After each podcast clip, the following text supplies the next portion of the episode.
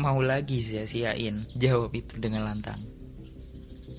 Bahkan balita butuh jatuh untuk bisa berjalan, untuk bisa berjalan dengan lebih sempurna tanpa berpegangan, tanpa ada yang membantunya lagi. Bahkan kapal juga butuh tenggelam untuk tahu seberapa jauh dan seberapa mampu dia bertahan di permukaan. Sampai seseorang menemukan formula agar kapal tidak lagi karam. Aku sempat ingin bertanya, Perlukah manusia berpikir lebih jauh, bahkan berpikir keluar lebih jauh lagi, lebih jauh lagi, dan lebih jauh lagi, di mana manusia perlu memposisikan diri pada dua waktu yang berbeda, pada dua pemikiran yang berbeda dan perbedaan itu adalah menempatkan diri pada waktu di mana sesuatu akan terjadi dan pada waktu di mana saat sesuatu telah terjadi. Untuk bisa tahu apa yang akan terjadi setelah sesuatu dilakukan.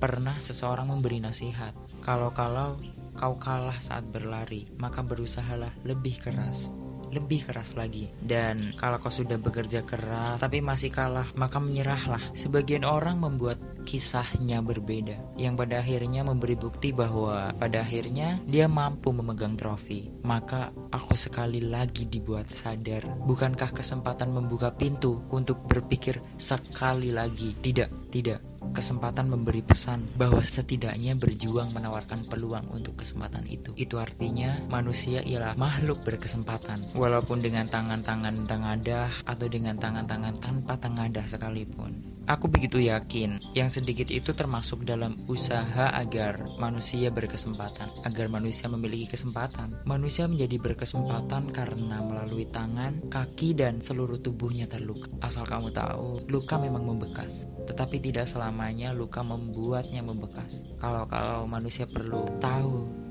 cara menambah luka agar tidak meninggalkan bekas. Semangat menjalani hidup karena hidup menuntutmu untuk sukses. Dunia menanti peran untuk mengubahnya dan Tuhan selalu melihat usaha dan doa. Sesekali manusia perlu untuk tidak terlalu menganggap sesuatu adalah paling baik. Kadang Tuhan lebih tahu dan punya pilihan lain untuk memilih yang tidak baik karena dia tahu manusia mampu untuk memperbaiki. Terkadang sesekali sadar bahwa hal tersebut akan terjadi, bahkan tahu jika akan merasakan bahagia atau berkabung sekalipun. Pada dasarnya Hidup itu memang mengenai mengkhawatirkan perihal yang belum terjadi dan berusaha keras untuk membuatnya tidak terjadi atau terjadi sekalipun.